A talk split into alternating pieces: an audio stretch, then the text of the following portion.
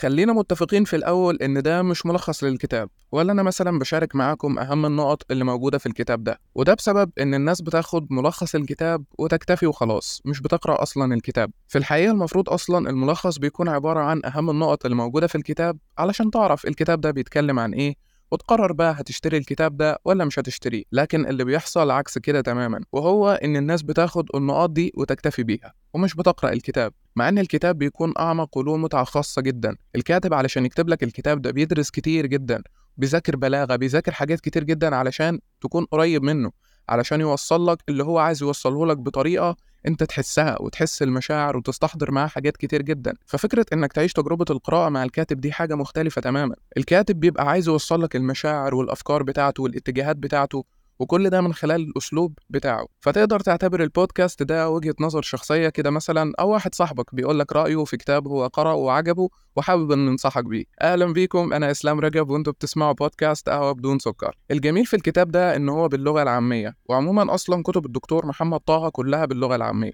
ودي حاجة كويسة جدا لو أنت شخص مثلا مش قارئ أو أنت شخص لسه بتبتدي قراية أو أنت كنت فاقد للشغف ولسه عايز ترجع تاني للقراءة فحقيقي الكتاب باللغة العامية وسهل جدا وهتعرف إن أنت تقرأه. بس خلينا في الأول نعرف الكاتب والكتاب في الأول هو الخروج عن النص للكاتب والدكتور محمد طه. هو طبيب نفسي وعنده خمس كتب الخروج عن النص الخروج عن النص من جديد يعني الخروج عن النص من جديد ده تكملة لكتاب النهارده. كتاب علاقات خطرة كتاب لا بطعم الفلامنكو ذكر شرقي منقرض. دكتور محمد طه بيحب دايما يشاركنا الموضوعات الرائجة من بعد ومنظور نفسي. ممكن تلاقيه كمان بيتكلم عن مشكلة بتحصل في المجتمع دلوقتي. ومنتشرة بشكل كبير جدا وبيحب إن هو يتناقش فيها من منظور نفسي ويكتب عنها في بعض الأحيان مقالات من خلال صفحته على فيسبوك. ده غير بقى إنه بيحب يحلل الشخصيات وبالأخص الدراما المصرية والمسلسلات. فما تستغربش لما تلاقيه مثلا منزل عن مسلسل أو بيكتب عنه من الناحية النفسية. وده برضو اللي بيعمله في بعض الفصول من الكتب اللي هو بيكتبها وإنه بيستشهد بأمثلة علشان يكون قريب منك ويفهمك الموضوع بشكل مبسط. كتاب الخروج عن النص هو أول كتاب للدكتور محمد طه. الكتاب مكون من 17 فصل تقريبا. تقريبا و150 صفحة بالتقريب يعني أو ما يقارب العدد ده. بيبدأ الدكتور محمد طه في الفصل الأول إنه يكلمك عن حدودك الشخصية وأهمية أصلا حدودك الشخصية في العلاقات بتاعتك وإزاي أصلا ترسمها. وبيتناقش معاك كمان في مواضيع نفسية كتير جدا على مدار الفصول دي. ويفضل كمان لو قرأتها بالترتيب. لأن الكلام مكمل لبعض. هتلاقي في الفصول برضو بيكلمك عن نفسك الحقيقية ونفسك المزيفة وإزاي أصلا تكون حقيقي وتتعامل بالشخصية بتاعتك أنت. وطبعا بيتكلم عن التكرار القهري وليه إحنا بنقع في نفس الغلطة وممكن نكررها كمان لأكتر من مرة. مرورا بقى بالاحتياجات الشخصية والاحتياجات النفسية لكل شخص فينا. يعني أنت محتاج إيه من نفسك ومحتاج إيه من المجتمع اللي حواليك؟ محتاج إيه من العلاقات بتاعتك؟ أغلب الفصول هتلاقيها بتتكلم عنك وعن الاحتياجات بتاعتك وإزاي تفهم عن نفسك أكتر. وده أعتقد كده الهدف من الكتاب. وهو إنك تفهم طبيعة نفسك علشان تعرف تتعامل معاها سواء في العلاقات بتاعتك أو حتى في التعامل مع نفسك. هتلاقيني دايما في البودكاست بقولك لازم تكون مذاكر نفسك ولازم تكون عارف نفسك كويس جدا.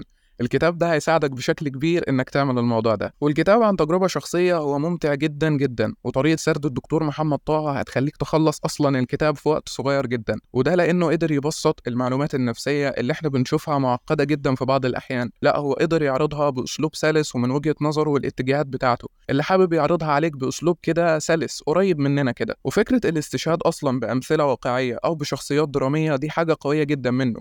بتحسسك إن الراجل ده قريب منك قوي فاهم انت بتفكر في إيه.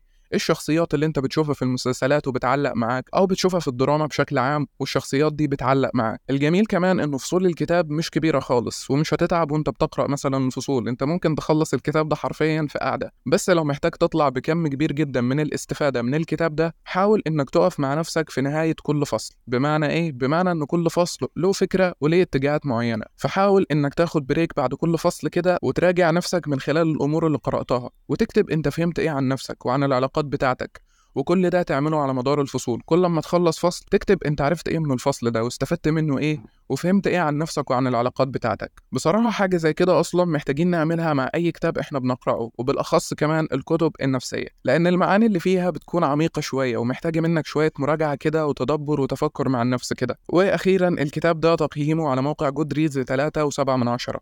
وده تقييم كويس جدا بالنسبة لكتاب في علم النفس. الخلاصة في الحلقة دي أنصحك وبشدة إنك تبدأ تقرأ الكتاب ده من دلوقتي لأنك هتقدر من خلاله تفهم أكتر عن نفسك وتفهم المجتمع اللي حواليك تفهم الاحتياجات النفسية بتاعتك وإزاي أصلا تعبر عنها. هتقدر كمان تحدد دورك في حياتك وترسمه بالطريقة اللي أنت حاببها. ترسمه بالطريقة بتاعتك الحقيقية مش الطريقة اللي فرضها عليك المجتمع. الكتاب طبعا متوفر في كل منافذ البيع وحرفيا مش هتندم إن أنت قرأت الكتاب ده. ولو قرأت الكتاب بالفعل ممكن تشاركنا أنت اتعلمت إيه من الكتاب ده. وبرضه لو حابين نثبت السلسلة دي إن إحنا نتكلم عن كتب ونقدم فيها كده رأي شخصي أو مراجعة شخصية مفيش مشكلة ممكن تشاركونا بده في كومنت وإن شاء الله نحاول إن إحنا نعمل ده على مدار السنة الجديدة. خلينا بقى نختم الحلقة كده بمقولة رائعة للكاتب الدكتور محمد طه من كتاب الخروج عن النص. أعتقد إن أعظم حاجة ممكن تحصل جواك لما يزيد سنك ووعيك والتجارب بتاعتك هي إنك تتحرر من السجون بتاعتك السجون العتيقة الخفية. واحدة ورا التانية. وبس كده أشوفكم على خير دايما في حلقة جديدة وبودكاست قهوة بدون سكر.